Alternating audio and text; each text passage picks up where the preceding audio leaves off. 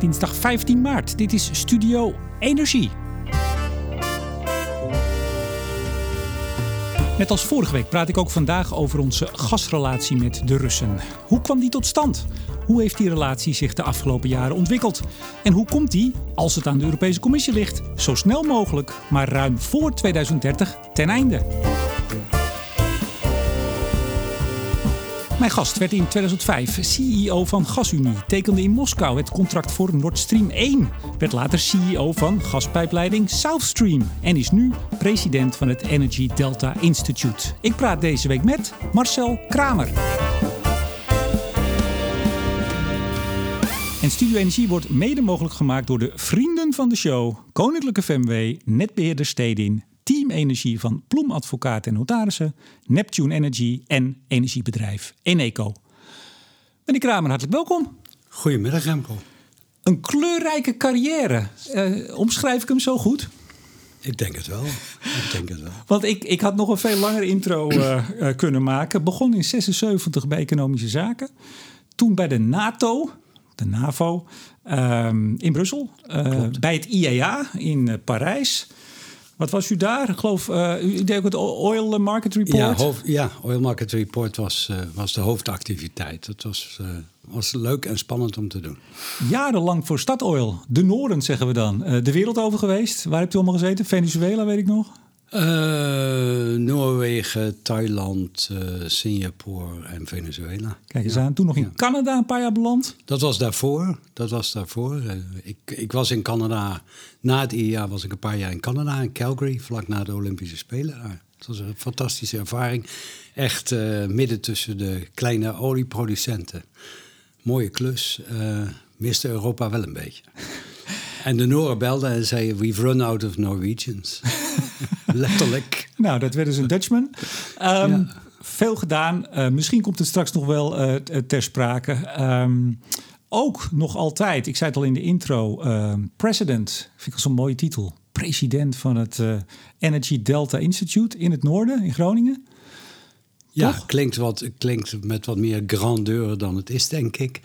Uh, mijn, mijn rol daar is, uh, ik ben geen, geen werknemer van het instituut. Mijn rol daar is om de organisatie te ondersteunen met uh, de ontwikkeling van cursussen en programma's, het benaderen van mogelijke deelnemers en mensen die daar lessen geven. Het is eigenlijk een, een kennisinstituut op non-profit basis, dus niet, niet een niet een onderneming in die zin. En uh, fantastisch, we hebben daar. Uh, EDI heeft, heeft vele jaren, eigenlijk nu inmiddels bijna twintig jaar lang, talloze uh, jongere en oudere industriemedewerkers, maar ook veel anderen, mogen helpen om verder inzicht te krijgen in de internationale energieindustrie. Een soort MBA-opleiding? Die zit er sinds kort ook bij. Een MBA-opleiding met de Universiteit van Groningen. En uh, daar, zijn, daar is het goede team bij EDI terecht uh, trots op. Dat loopt heel goed. Nou, u hebt toch een, een keur aan nevenfuncties gehad en nog altijd. Misschien komt het straks als het relevant is ter, uh, ter sprake. Maar u bent ook actief binnen de, de IGU, de International Gas Union. Als ik het goed begrepen heb, uh, uh, rapporteert u aan de president, ook weer president, dat is een fantastische wereld.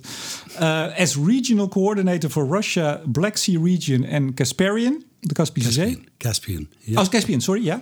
Uh, nou, dan was er vorige week, of nou, tien dagen geleden geloof ik al, vergadering. Ja, uiteraard, waarover? Over de Russen, de oorlog, et cetera. Wat is daar besloten? Nou, die vergadering die was al gepland. Maar gezien de ontwikkeling was het natuurlijk belangrijk om uh, te praten over uh, de relatie en de rol van Rusland in die organisatie. En we hebben dus uh, daar moeten beslissen dat we de activiteit en samenwerking met Gazprom in die internationale organisatie opschorten. En we hebben het hoogste lichaam van de IGU, de Council, dus een soort brede raad van bestuur, als je het zo zou kunnen zeggen, gevraagd om daar binnenkort over bij elkaar te komen en daar ook nog een zegje over te doen. Dit was het Executive Committee, wat één niveau onder de Council zit. Hmm. Dus dat. Uh, we hebben dat uh, besproken daar en uh, dat was de uitkomst. En de, de, de, het hoogste niveau neemt dat over? Ja, daar ga ik wel van uit. Ja, wat vonden de Russen? Nou, ik heb het er niet zo eh, met ze over gehad. Het was een Teams call, dus dat is altijd ook wat lastig. Om in de, er zijn geen wandelgangen, zo gezegd. Je, hmm. je gaat dat niet in de chat doen. Uh, maar natuurlijk uh, zullen zeker vanuit persoonlijk perspectief ook, ook Russische deelnemers dit, uh, dit bijzonder jammer vinden. Ja, u, Daar twijfel ik niet aan. U hebt uh, goede banden met Rusland altijd gehad. Hè? Daar komen we zo allemaal nog op. U hebt zelfs in 2019 mm. nog een prijs gekregen. Zoals heel veel bedrijven ook in Nederland dat gehad hebben. Een soort handelsbevorderingsrelatieprijs, de RUPRI. Ja. GasUnie heeft hem ook gehad, twee keer zelfs. Uh, nog heel veel meer mensen hoor. Ik, uh, anders krijg je oog. Alleen zij, nee, heel veel. André Kuipers, Dirk Sauer, VNO-NCW, nou, ABN AMRO, uh, noem maar op, Philips echt een, een, een uitwisselings... Ja, nee, niet een uitwisseling. Een, nou, een versterkend, zakelijk banden versterkend fenomeen. Zeg ik het zo goed? Ja, ja er is natuurlijk voor tal van landen is er een, een uh, handelsbevorderende activiteit. En die uh, was er dus ook in uh, samenwerking met met name de Russische ambassade.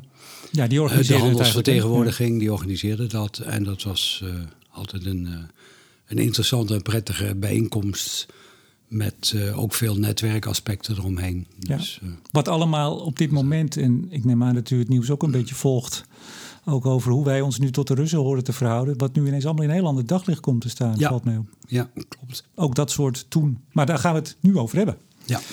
U kreeg ook nog een keer, dat vond ik wel een mooi verhaal hoor, een, een telefoontje toen u in de supermarkt liep of u even naar meneer Poetin wilde komen. Toen premier, 2010. Uh, en er stond de vliegtuig klaar en u bent gegaan naar zijn vakantiehuis soort Center Parks. Nou, het maakte geen vakantieindruk. nee. Nee. U bent een beetje verkouden, hè? Ja. Draait u de microfoon als iets naar u toe nu? Want nu staat hij een beetje... Ja, zo ja. Nee, dat is goed zo. Um, maar goed, u, uh, u hebt nogal wat... Uh, wacht even. Nee, zet hem even iets voor u. U staat er nu naast. Zo ja. Ja, prima. Um, u hebt nogal wat banden met Rusland gehad. En u kunt dus ons vertellen hoe dat allemaal zo gekomen is. Hebt u nu eigenlijk nog banden met de Russen? Uh, nee, nee, anders dan dat ik daar een aantal kennis heb. Ja, maar geen zaken. Nou ja, het is wel. Nee, geen zakelijke banden, maar die heb ik al heel lang niet meer. Geen dus commissariaatje nog ergens of nee, uh, nee, zakje nee. geld wat af en toe uw kant op komt. Nee, nou goed, goed even niet. te bespreken. 2003 kwam u bij GasUnie. We slaan de eerste twee jaar even over. U werd binnengehaald eigenlijk als nou, beoogd en opvolger van uh, George Verberg. Vorige week hier in de show. In ieder geval voor een deel van de portefeuille exact. van George vanwege de uh, op handen zijn de splitsing van GasUnie. Ja, ja, en dat toch even voor de mensen die hem vorige week niet gehoord hebben en die dat niet weten. GasUnie was vroeger eigenlijk wat we nu Gasterra als Gasterra kennen, het handelshuis, het handel in gas. En GasUnie die de, de leidingen hebben waar het door vervoerd ja. wordt, dat is gesplitst in een overheidsbedrijf GasUnie wat de leidingen heeft en een handelshuis waar ook Shell en Exxon voor de helft in zitten. Ja. 2005 werd u CEO van, uh, van, van GasUnie. En ik wil eigenlijk graag aansluiten in dit gesprek op dat van vorige week met George Verberg. Want hij nam toen afscheid.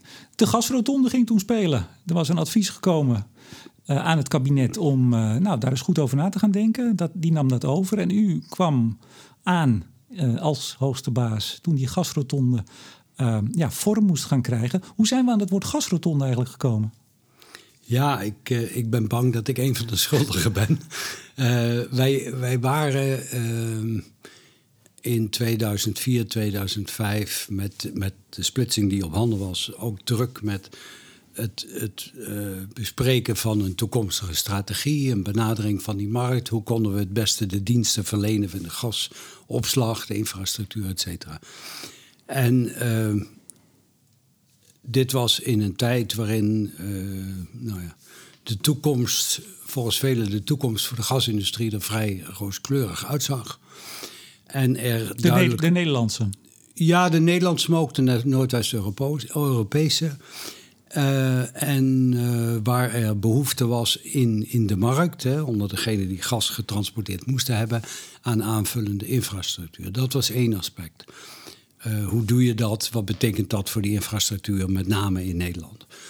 Um, andere aspect was, uh, we zagen toen, of werkten op basis van een veronderstelling dat ergens rond en na 2020 de Groningen productie op natuurlijke wijze, we hadden het toen niet over aardbevingen, uh, op natuurlijke wijze zou verminderen.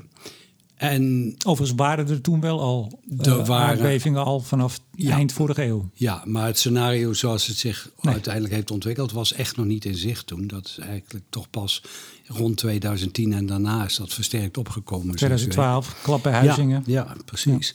En ehm, het ging dus vooral om, ja, we hebben die infrastructuur, we hebben die kennis in huis. Uh, we willen ook in het kader van de liberalisering van de energiemarkt, wat toen heel sterk speelde, hè, want initiatieven vanuit Brussel, sterk gesteund door, door Brinkhorst, uh, de toenmalige minister. Kabinet Balkenende 2 toen. En Balkenende 2. Uh, we willen ervoor zorgen dat wij met die infrastructuur en die kennis die we hebben, een, een stevige logistieke rol blijven spelen in de Noordwest-Europese gasmarkt. Ja, en toen kwam het beeld op van die rotonde, een, een, een deel van Europa, een hoek van Europa, waarin er uh, vanuit meerdere plekken aanvoer is, waar je naar meerdere plekken kunt afvoeren. En hoe doe je dat dan? Ervan uitgaande dat er voldoende vraag in de markt zijn, want daar gaat het uiteindelijk om. We bouwen mhm. dat niet voor onszelf. Om inderdaad van die nieuwe leidingen en, en faciliteiten gebruik te maken. Ja. En iemand daar is ook het idee van de LNG in, eh, in Rotterdam uh, mede, mede versterkt ja. opgekomen. Maar iemand bedacht toen op een gegeven moment: goh, het lijkt wel op een rotonde. Laten we het zo ja, nou, het was, het was heel, uh, heel simpel eigenlijk. Ik, ik weet dus nog waar het was. en het was een flip-over, zoals ze die dingen noemen. Ja. Uh, waar we uh, een rotonde tekenden met aanvoer en afvoer en meer verkeer. En de filosofie was ja, blijvende leveringszekerheid. Ook goed gebruik van de infrastructuur die er al is. Hè. Stel je voor dat Groningen afneemt. Nou ja, dan wil je niet dat dat leeg staat. Daar is door de maatschappij, door mhm. Nederland in geïnvesteerd. Ja. Um, en ook wel gasunie in de benen houden, want anders had u als gasunie En natuurlijk had het effect ook, want er moest dan, mits, nogmaals, mits er voldoende vraag naar was om die, om die investeringen te onderbouwen, moest natuurlijk ook gasunie dan aan de slag om dat alleen of met andere partijen te bouwen. En zo is dat, dat gasrotonde concept ontstaan. Het was dus niet één installatie of, of één fabriek, zeg maar. Het was meer een concept ter versteviging van de infrastructuur en uitbreiding op basis van marktvraag, maar met een oog op de toekomst. Ja, en toen werd ook al gedacht, we moeten ook een uh, aanlandplek hebben voor vloeibaar gas. Dat is de gate terminal geworden op de Maasvlakte. Ja. Lang leven staan. Er is vaak over gezegd, wat hebben we eigenlijk aan het ding? Nu zijn we hemelsblij dat we hem hebben met 12 miljard kuub per jaar als capaciteit. Ja, de markt is moeilijk te voorspellen. Um, het concept van, van Gate is, het is een pure infrastructuurinvestering. Hè, dus de aanhouders die, uh, en Gasunie en Vopak, die, die investeren niet zelf in dat gas wat erin gaat. Uh, Gasunie mag dat ook niet, nee. uh, op basis van de regulering. en het was dus belangrijk om bedrijven te vinden die zouden zeggen, nou wij huren wel een stuk van die capaciteit, maar dan voor de langere termijn, zodat je in ieder geval huurinkomsten had. Uh, en ervan uitgaande dat vroeg of laat er toch ook wel degelijk uh, goed gebruik van zou worden gemaakt door de aanvoer van, uh, van vloeibaar ja. uitgas. De, de, marktomstandigheden fluctueerden in die tijd. We waren eigenlijk, denk ik, wel eens een beetje onze tijd vooruit. Um, want uh, de LNG-stromen waren nog niet dermate groot dat, uh, en, en aantrekkelijk om, uh, om dat op grote schaal te gebruiken. Nou, vorige, dus vorige het was, week... Het was een tijdje aardig, het was rustig. Ja. ja. Vorige week heeft uh, de Europese Commissie met, is met voorstel gekomen Repower EU. En daar is eigenlijk voor LNG, daar zullen we straks denk ik mee eindigen dit gesprek. Hoe moeten we verder? Is LNG is de spil om op heel korte termijn 100 miljard kuub minder van de Russen af te nemen. Voor eind dit jaar zelfs. Maar daar komen we zo op. U was er toen al uh, mee bezig als gasunie. Ja. En nog steeds, want 50% met Vopak aandeelhouder. Um, de Russen. Hmm. Daar bent u nog vaak mee, eh, mee in contact geweest daarna, zou ik maar zeggen. Die zijn een belangrijk deel gaan maken ook van eh, de, de hele filosofie in Nederland, hoe we nou verder moesten. 2005, hmm. u, u zat al twee jaar bij GasUnie, u was de hele wereld over geweest. Niet zozeer met gas, hè, u zat meer in de olie toen. Ja. U hebt zich in die twee jaar dat u zat van 2,3 tot 2,5 dat gas wat meer eigen gemaakt. Hoe keek Nederland? Hoe keek het uh, ministerie van Economische Zaken? Hoe keek u toen aan tegen de Russen en hun gas? Ja, verschillende invalshoeken. Ik denk op de eerste plaats uh, dat we voorzagen dat op de langere termijn uh, zeker Rusland een belangrijke leverancier van gas zou zijn. Met een enorme reserve, gasreservepotentiaal. Waren ze toen ook al, hè? 40% in de EU in 2000? En ze waren al belangrijk en zij waren uh, zeer concurrerend in hun, in hun gasprijs. Dat is goedkoop. Dat is ook een ander element. Uh, dat is natuurlijk uitermate belangrijk dat we erin zouden slagen om continu uh, en op, op verantwoorde en veilige wijze gas in de Noordwest-Europese hoek te krijgen. Wat de industrie, met name natuurlijk ook in Nederland, um, die veel gas verbruikt, de, in staat zou stellen om, om competitief, concurrerend ja. bezig te zijn. Ik, ik voeg even toe, ja. daar hadden we het vorige keer met Verberg over mede door het Groningen gas, uh, althans het Groningen gasveld, de, de, enorme hoeveelheid en de rijkdom die dat Nederland bracht, maakte ook dat Nederland op zoek ging naar industrie die zich hier wilde vestigen, ja. die veel gas nodig had. Met het idee voor je dat je misschien over 20, 25 jaar dat niet meer hebt, heb je dus ook wel veel gas nodig, onder meer voor die industrie. Ja. Dus er zat ook ja. wel echt een heel duidelijk belang ja. in om, de, ik zeg maar even uh, clichématig, de BV Nederland draaiende te houden. Heel sterk uh, industrieel belang, ook, ook natuurlijk in het algemeen naar de verbruikers toe. En dat moet je dan samen zien, denk ik, met de beweging naar liberalisering van de markt, waarbij het idee van, van meer aanbod in principe kan leiden tot, tot meer concurrentie. En we zagen toen LNG ook al wel opkomen, dus we dachten van nou, dan is dat in ieder geval uh, qua infrastructuur goed, goed mogelijk. En dat, ja. dat hele concept werd, werd breed omhelst. Dat ja. was, we gingen daar ook mee de boer op, andere landen toe. Kijk, zo doen wij dat. en men vond dat een nogal verstandig idee. Ja, en dan hebben we het, we, dan hebben we het over economische zaken slash kabinet, de, de overheid, maar ook het bedrijfsleven. Ja, ja. Die zagen ja. daar ook, denk ik, vraag, ja. Uh, wel uh, mogelijkheid in om een centje te verdienen. Ja, nou ja, concurrerend gas als grondstof was een heel belangrijk element uh, in, in die beweging. Maar ook de energiebedrijven, de, de shells van ja, deze wereld. Ja, ja dat was, was een hele brede, brede steun voor dat concept omdat ieder die daarbij betrokken was, wel zag dat het het belang van zijn bedrijf en, en ook van de BV Nederland, als je het zo noemen mag, zou, uh, zou ondersteunen. Nou was er in, uh, dat was maart 2005, was u toen al CEO of misschien? Mm, bijna, bijna. To, toen was ja. eigenlijk het begin van, zoals dat zo mooi heet, het Ukrainian-Russian gas dispute. Ja. Ook dat kwam vorige week bij Verberg even aan de mm -hmm. orde. Die zei nou, ik had het waarschijnlijk ook gedaan. in de zin dat de Russen wat afknepen omdat de gas gestolen werd. Ik vat het maar heel kort samen. Klopt dat? Ja, het... het zeg maar, het, probleem van in die relatie tussen uh, Rusland en Oekraïne op gasgebied gaat eigenlijk uh, terug tot die periode 2005-2006. Um, het, was een, het was een hele complexe uh, toestand en die versterkte eigenlijk de, de zorg aan Russische kant dat hun uitvoer naar Europa beschadigd of, of onderbroken zou kunnen worden door ingrepen vanuit landen waardoor ze het gas moesten vervoeren. En met name in Oekraïne was dat een heel pregnant probleem. Ja. Het ging ook over heel veel geld. Ja, er liep toen vooral pijpleidingen inderdaad door uh, Oekraïne mm -hmm. en Belarus, Wit-Rusland toen. Correct. Um, dus nou, daar was, hoe zei u dat? Het was een complex, maar in ieder geval, het was, uh, het was uh, ruzie. Er werd uh, geknepen in de, de lijn. is vaker gebeurd, 2009 ook nog. Hè? Toen, toen was u ja, er waren ook vrij forse issues rond het, over het betalen van rekeningen. Ja. En ja, ik heb wel eens, ik geloof een keer bij Buitenhof, gezegd van...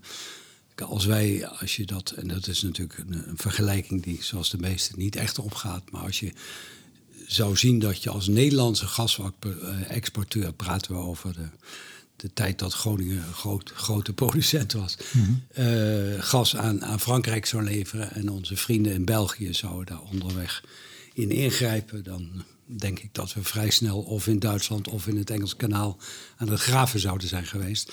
We zouden het misschien wat anders opgelost hebben. Dat is een andere kwestie. Maar dat was met name voor een land als Rusland, wat in, toen in een fase van sterke economische opbouw was en een streven naar stabielere uh, geldstroom van de harde valuta, was dat een, uh, een, een, belangrijke zorg. Ja. We zitten nog steeds in 2005. U bent, uh, u bent dan CEO. Het is november. Poetin die komt naar Nederland ik begrijp altijd, ik heb het niet gecheckt, maar dat het uh, de eerste Russische regeringsleider was sinds uh, Tsaar Alexander II in 1874. Dat was toen het verhaal. Nogmaals, ik heb het niet gecheckt, maar dat was vrij uniek, laten we het zo zeggen. Uh, staatsbezoek, ik heb nog even gekeken bij het Koninklijk Huis. Daar staat nog keurig de melding met uh, koningin Beatrix die hem ging ontvangen. Er werden kransen gelegd, geloof ik, staatsdienbanketten. Maar ook een diner in de ambtswoning van de burgemeester van Amsterdam, Cohen. Het was een bijeenkomst met een brede Nederlandse zakendelegatie. Uh, waar, uh, het was geen diner, het was, het was midden op de dag, het was een lunch. Oh. Niet zo heel belangrijk, maar even, oh, ja. eventjes om precies te zijn. Ik ga niet vragen wat u waarin, gegeten hebt. Waarin de bedrijven uitgenodigd werden, de, de CEO's van de verschillende bedrijven, uitgenodigd werden om vragen te stellen aan, aan Poetin over aspecten die zij belangrijk vonden. En, en, u zat daarbij, even voor de goede orde. Ja, ja. ja. ja. en daar kwamen allerlei zaken aan de orde. Het was, het was indrukwekkend op zich.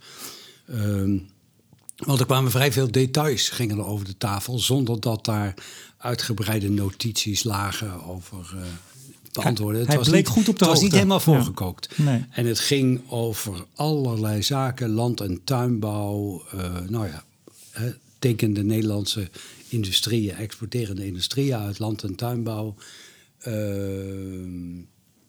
Laten we, het over, laten we het over gas hebben, meneer Kramer. Volgens en, mij ging het ook over en gas. En de energiesector zat er natuurlijk vol bij ja. tafel. Ja. ja. Maar waar, waar ging het over, dat gesprek, toen het over gas ging? Nou, dat was een, was een vrij algemeen uh, gesprek uh, over nou ja, verdere uh, samenwerking op diverse gebieden, projecten eh, en zo meer. Dat het gasgesprek was niet heel gedetailleerd, maar uh, inmiddels hebt u wel gehoord dat ook daar toch wel een stevig discussiepunt naar boven is gekomen. En dat ging over Sakhalin. Ja, ja, dat is het, het, het gasproject ja. ver in ja. op Russisch grondgebied met Shell. Ja. Ja, uit de overlevering blijkt dat er, uh, ik geloof, een gesprek was in de keuken tussen Jeroen van der Veer, uh, de baas van Shell toen, en, uh, en Poetin, die hem iets toebeet. We zijn toch niet gek, of we, we zijn niet gek geworden of zoiets. Het is misschien een beetje afleidend van waar wij het nu over hebben. Het ging erom dat Rusland een, een zware zwaar aandeel in het project wilde hebben. Misschien wel wat meer dan ze toekwam. Ja, voor, het was een discussie over aanlouderschap. Ja. En uh, daar werd in, in, de, in de zeg maar, plenaire sessie, als je het zo noemen wil, uh, werd, werd daar al wat over gezegd door, uh, door Poetin. En uh, later hebben zij, eh, zoals dat dan diplomatiek heet, bilateraal verder over gesproken. Maar daar, daar ben ik natuurlijk niet het. Het was een flink portie armpje druk en uiteindelijk heeft, heeft Rusland, heeft Poetin gewonnen. Shell moest voor een ik, ik vat het heel kort samen. Mm -hmm. Beste ja. luisteraars, zoek het anders even op. Google het, want er is heel veel over te lezen. Maar uiteindelijk moesten ze voor een klein bedrag uh, een groter deel van uh, aan ja. Rusland afstaan. Ja, de aanlouderschap is aangepast toen. En het was natuurlijk vooral voor Shell en, en ook de andere partners een hele complexe toestand. Ja. Ik, breng, ik breng het even ter sprake, omdat we zitten nu in 2005. We komen straks verder in uw CEO-schap, maar ook nog daarna. Dat je toch al ziet hoe de Russen uh, ik zou bijna zeggen, hoe ze handel drijven. Hoe zij uh, ook hun handelspartners bejegenen. Was dat toen al ook intern onderwerp van gesprek? Van joh, uh, we zitten nou wel leuk handel te drijven met die jongens... maar dit is wel een heel andere koek dan wat wij gewend zijn in het Westen. Ja, ik, eerlijk gezegd heb ik de indruk dat dat toch gezien werd als een, als een bijzonder groot... maar bijzonder en, en, en op zichzelf staand geval vanwege de strategische belangen in Sakhalin. Uh, de relatie tussen uh, Rusland en landen in, in uh, met name ook Noordoost-Azië. Sakhalin als zodanig was al onderwerp van internationale discussies. Ik herinner me dat goed. In de jaren tachtig bij het Internationaal Energieagentschap. -huh. dus daar, het was niet zomaar één project. Het was iets bijzonders. Ehm, en uh, het werd niet, denk ik, gezien als toonaangevend voor de toekomstige onderhandelingen of zakenrelaties over wat je meer gemiddelde projecten zou kunnen zien. Althans, ik heb het niet zo ervaren, ook in de tijd daarna niet. Uh, het stak duidelijk boven het maaiveld uit. Ja, 2005, uh, eh, november, zit u lekker bij uh, burgemeester Cohen uh, te lunchen of iets anders leuks te doen. Maar in ieder geval, u zit daar. Maar twee maanden daarvoor was er al een verdrag eigenlijk getekend voor Nord Stream. Een pijpleiding om aan te leggen. Ja. Nord Stream 1. Tussen Gazprom, ja. E.ON en Basf. Klopt. Um, Twee jaar later, we maken even een sprongetje, uh, deed GasUnie ook mee. Hebt, hebt u persoonlijk uh, geprobeerd, of, en ook succesvol geprobeerd, om GasUnie daar partij in te brengen? Hoe is dat gegaan? Um, nou, we, er bleek op een gegeven moment dat er door het overleg tussen die partijen die zo net genoemd zijn, die Duitse partijen met name, en Gazprom op ruimte was voor een bescheiden, relatief bescheiden uh, aanvullende aandeelhouder. En uh, wij hebben toen gezegd dat wij in principe daarin wel geïnteresseerd zouden kunnen zijn. Maar nou, bent u benaderd of hebt u hun benaderd? Nou, het is niet, we zijn niet met een hele delegatie afgereisd om ons daar te presenteren. Uh, in mijn herinnering is dat uh, al pratende hier en daar op conferenties wat, wat duidelijker geworden dat wij geïnteresseerd waren. Maar het was ook van hun kant uit interessant, want zij hadden ook het oog meer en meer op de, op de Noordwest-Europese markt, uh, meer dan alleen Duitsland. ook zij zagen natuurlijk het Nederlandse gas, ze zagen die voorspellingen. Ze hadden goede marktanalyse. Ze zagen ook dat Engeland uh, nou, vrij krap in zijn, in zijn gasaanbod zat. Daar is op een gegeven moment was dat, was dat echt wel spannend voor de Engelsen. Mm um, en um, ik denk dat in hun hoofd meespeelde dat iets meer die kant op. En ook via Nederland richting België uiteindelijk. Dat het wel een goede mogelijkheid zou zijn. Maar En er is altijd het gevoel geweest, ze hebben dat ook wel vaak gezegd, van ja, kijk, Nederland is natuurlijk een land waar die, waar die kennis is opgebouwd en waar de overheid, want het is natuurlijk ook heel sterk een overheidsaspect, uh, gevoel heeft en begrip heeft voor wat je nodig hebt om van iets dergelijks een redelijk succes te maken. Maar, maar hebt u dan, want in 2007 gaat u naar Moskou met Jan-Peter Balkenende. Ja. Prachtige foto van. Uh, beetje lange gezichten. Het wordt nooit echt. Nou, soms wordt het vrolijk gekeken, maar bij dat soort dingen niet. Dat is stemmigheid alom, zullen we maar zeggen. Maar uh, dat is dus nou nog geen twee jaar later. Het duurt even voordat je het uitonderhandelt. Hebt u dan al in Amsterdam, toen in de ambtswoning van de burgemeester, met Poetin daarover kunnen praten? Over een deelname door GasUnie, door Nederland in Nord Stream, die pijpleiding? Nee, eigenlijk is in dat gesprek, uh, in, in dat overleg toen uh, in Amsterdam, heel weinig tijd besteed aan, aan GasUnie vragen of opmerkingen. Wij hebben gezegd dat we um, een goede relatie hadden. Dat we als bedrijf met de Gazprom mensen goed uit de voeten konden. Um, en dat uh, we hoopten dat er nog een kans was om die samenwerking nog verder te verstevigen. Ja, maar uiteindelijk. Maar veel meer is er, is er niet gezegd. Er is niet specifiek daar gepraat over Nord Stream of wat dan ook. Dat is iets later opgekomen. Ja, dus, dus de Russen die zien dat Oekraïne wat lastig is. Uh, zeg maar even de Belgen die, uh, die lastig doen als wij naar Frankrijk zouden exporteren. Die willen daaromheen, letterlijk. Uh, niet over grondgebied. Ze betalen geloof ik een miljard per jaar aan, aan, aan kosten hè, mm. voor dat doorvoeren van dat gas. Dus die hebben daar belang bij.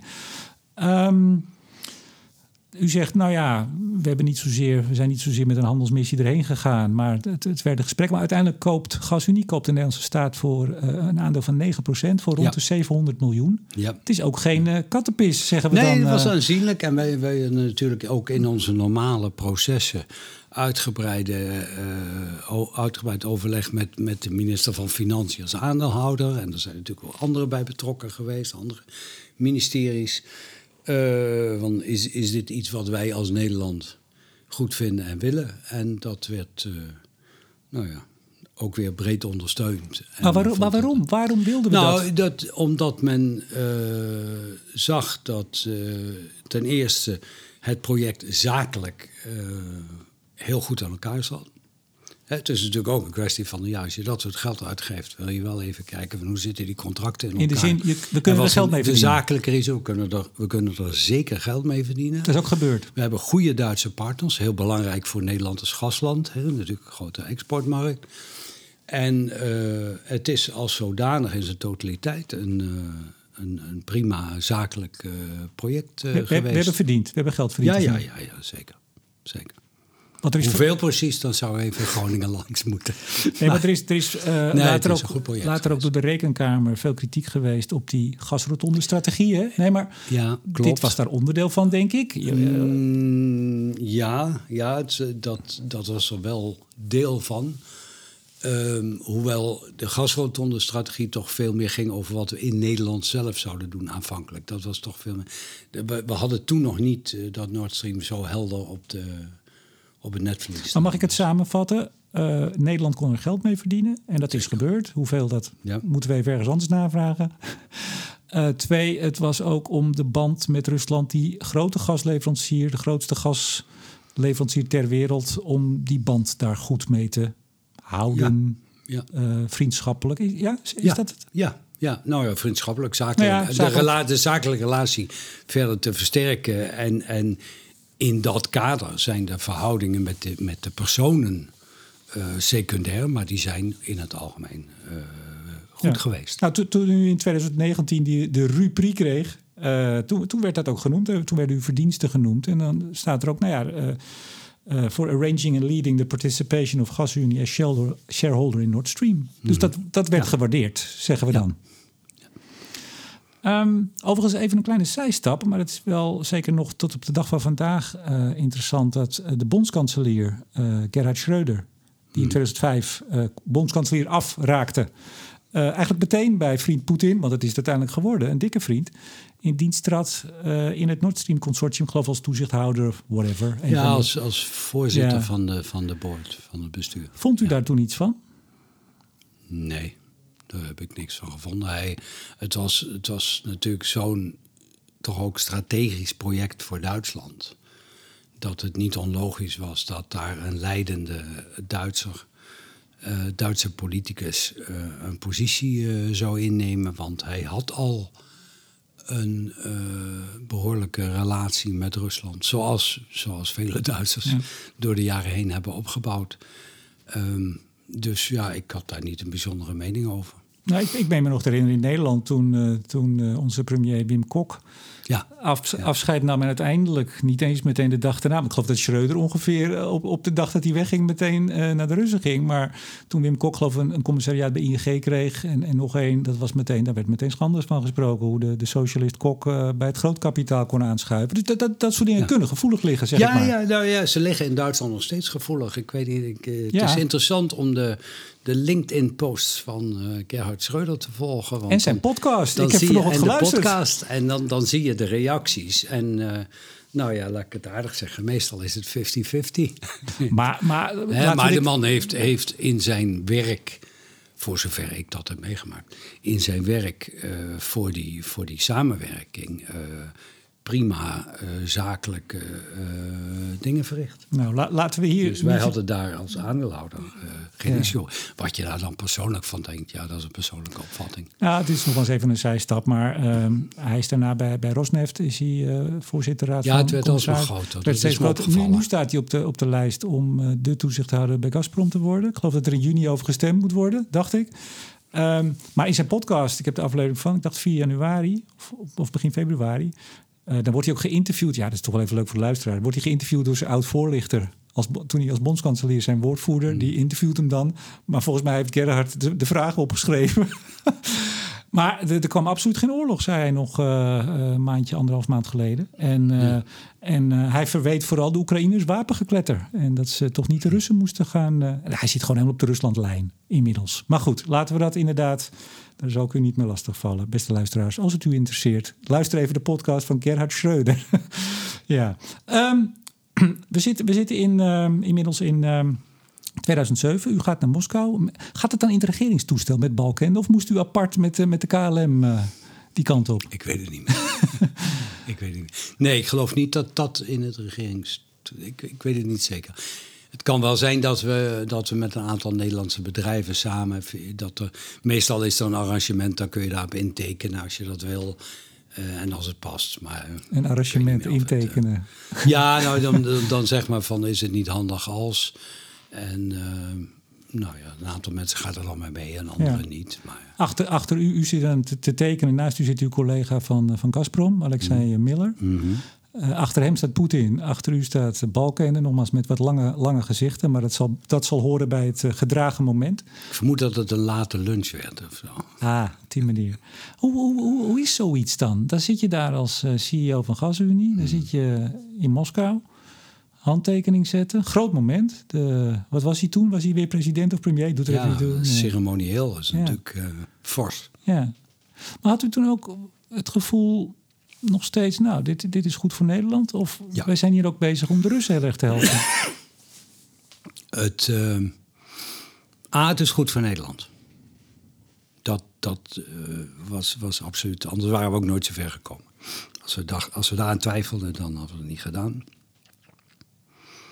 Um, B, um, toch ook wel, en dat zag je ook wel bij andere bedrijven, een, een basishouding die nogal sterk lijkt op, op waar we Europa mee gegroeid hebben met z'n allen. Van het, het samenwerken, uh, al dan niet wederzijds investeren, kan de stabiliteit bevorderen. En wij hadden in het algemeen in die fase het gevoel dat na de chaotische jaren. 90? Begin, ja, jaren 90, jaren 80. Dat het voor Europa buitengewoon belangrijk was om naar die stabiliteit te streven. En we ontmoeten aan de andere kant van de tafel mensen waarvan je sterk de indruk hadden dat die dat ook wel wilden. Ook meneer Poetin, echt waar? Nou, die was daar niet zo uitgesproken over. Maar, maar ondersteunde het wel. En daar speelde ook wel sterk een rol dat ze zich hè, grote zorgen maakten over het effect wat het, het uiteenvallen van de Sovjet-Unie, en we hebben dit de laatste tijd wel van meer mensen gehoord, het uiteenvallen van de Sovjet-Unie zou hebben op uh, de staat van die essentiële infrastructuur en de controle over die infrastructuur. Het was één groot ge geïntegreerd Mhm. gasinfrastructuursysteem. Gigantisch groot in de Sovjet-Unie. Ja. En dan wordt dat gefragmenteerd en wordt daarmee ook de controle over delen van die infrastructuur, die essentieel is voor, voor de onder andere de inkomsten van Rusland. Mhm. Uh, ja, die wordt gefragmenteerd. En daar gaan af en toe dingen mis en daar ontstaan stevige discussies, et cetera, et cetera. En het is niet vreemd dat in die omgeving vanuit een, een, soort economisch beleid, strategisch en economisch beleid, men zegt van ja, luister eens, wij willen niet per se uh, die transit, dat doorvoer de Oekraïne uit, uitgummen. Dat heeft hij ook trouwens met zoveel woorden een aantal keer gezegd. Dat willen wij helemaal niet. Dit is, een broeder, dit is een ja. broederland. En we gaan die het leven niet onnodig moeilijk maken. Maar je weet nooit wat er gebeurt in het leven. En wij willen de mogelijkheid hebben om met een modern, rechtstreeks transportsysteem naar Noord- en Zuid-Europa te komen.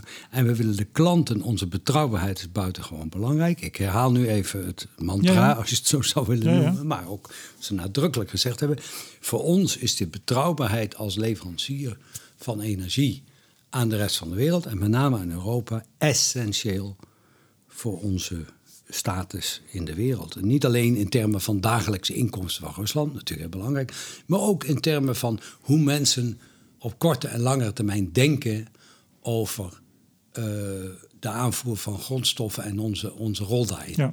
Ja, dus in die zin uh, was het, althans dat vind ik persoonlijk, heel logisch dat ze zochten naar manieren om in samenwerking met Europese landen, hè, want dat waren dus allemaal van die, wat, wat we dan joint ventures noemen, in samenwerking daarmee infrastructuur te bouwen. En die Europese landen, die grote klanten met name, hè, genoemd, hè, BASF en mm nog andere, E.ON. Uh, ook Italiaanse Eni later, uh, zelfs de Franse, hè, maar daar komen we bij mhm. South Stream nog even op. Ja. Die hadden buitengewoon belang, ook bij die leveringszekerheid. Ja. Overigens, en dat is uiteraard met de bril van u, zijn het dat Poetin zei van uh, de Oekraïners is een broedervolk en ik, uh, ik ben niet van plan om ze het leven zuur te maken. Dat is natuurlijk wel heel erg schrijnend. Ja, maar dat, was, dat was, ik heb het nee, nu over 2010. Met wat we nu, met wat we nu weten, dat dus de mogelijkheden die hij geschapen heeft met Nord Stream, de noordkant en South Stream, daar komen we eigenlijk nu op. Ja. Uh, waar u CEO van werd, of bent geweest drie jaar, mm -hmm. dat hij daarmee wel in staat was en is om het uh, broedervolk wel uh, het leven buitengewoon zuur te maken, om dat understatement ja, maar te ja, gebruiken. Ja, en ons ook. Zeker. Ja. Nee, maar dus, dus. Dat is waar. Ik bedoel, ja, wat zijn dat soort zaken waard? Zijn wij, laat ik het meteen even zeggen, zijn wij als, als Westen naïef geweest? Ja, ik aarzel om te zeggen dat we naïef waren. We hebben er met heel veel mensen goed naar gekeken we hebben er ook goed over gehad. We hebben ook wel in scenario's gedacht, hoewel dit scenario wat zich nu helaas afspeelt, en wat natuurlijk heel verschrikkelijk is, nooit uh, duidelijk uh, op de kaart heeft gestaan. Behalve dan bij de Amerikanen, in de zin dat die zeiden niet doen. De Amerikanen hebben al, Reagan is daar hè, uh -huh. al, al, mee begonnen, ja. hebben altijd gepleit voor nou, matige of geen afhankelijkheid van Rusland. Ja. Als ik het goed begrijp, en ik heb daar natuurlijk ook met mensen in, in Amerika wel regelmatig contact over gehad. Vooral ook vanuit een oogpunt dat ze toch vonden dat de versterking van de economische relatie en de handel tussen Rusland en Europa hen geopolitiek gezien niet goed uitkwam. Nee. Nee. nee, maar het is dus niet zo. En dat, dat kan natuurlijk. als, als we het hebben over. We hebben er met z'n allen naar gekeken. Dan hebben we het. Nou ja, uiteraard. Uh, Gasunie, Nederland, West-Europa, de EU. Maar daar waren wel degelijk. In dit geval Amerika. En niet het kleinste jongetje op het schoolplein. die zei: dit moet je absoluut niet doen. En ze hebben ook. Uh, hun best gedaan, ook in de jaren tachtig al, ja. om te proberen te voorkomen dat we meer ja. met Russen deden. Ze hebben alleen geen alternatief geboden. Mm, nou ja, inmiddels wel met hun schaliegas. Inmiddels wel, met hun schaliegas, ja. Hm. Ja. Nou goed, kijk. Eh, maar dat was natuurlijk, uh, ik bedoel, dat speelde niet toen, toen Reagan uh, protesteerde tegen, tegen olie- en gaspijpleidingen. met name ook olie, als ik me goed herinner. Um, dat speelde wel ietsje minder bij Nord Stream 1, maar natuurlijk heel sterk bij Nord Stream 2. Ja. Even, we, we maken even een sprongetje, want ik, ik kijk op de klok en dit wordt weer een, een latertje, beste luisteraars. dat, dat hoor ik al. Um, 2010, eh, toen nam u afscheid. U, u zou ook, uh, geloof ik, maar tot 2010 blijven, was ooit het idee? Ja, was bij, bij uh, binnenkomst afgesproken. Ja, als ik, als ik u google, dan vind ik af en toe dat u weg moest. Toch even op tafel. Ik weet niet, ik weet niet wie dat gezegd heeft, maar... is niet waar. Nee, wij hadden, wij hadden aan het begin... het is eigenlijk heel simpel en ik kan het helemaal makkelijk uitleggen.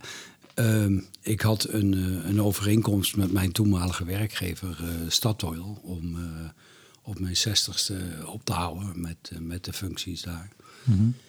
En uh, dus toen GasUnie vroeg van, zou je geïnteresseerd zijn in deze functie, was een van de dingen die op tafel kwam van, nou, dan wou ik dat wel graag handhaven. Dat kon toen, kon toen nog. Hè. Dat is inmiddels allemaal wat ingewikkelder geworden natuurlijk met pensioenwetgeving en dat soort zaken, maar dat kon toen nog.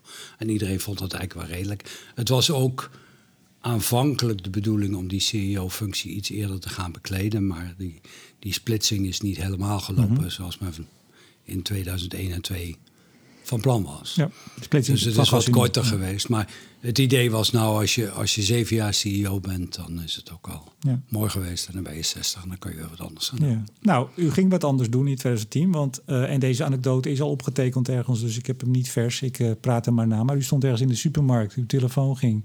U was nog CEO van GasUnie? Ja, maar de vertrek was aangekondigd en de receptie waren gepland. u stond half buiten.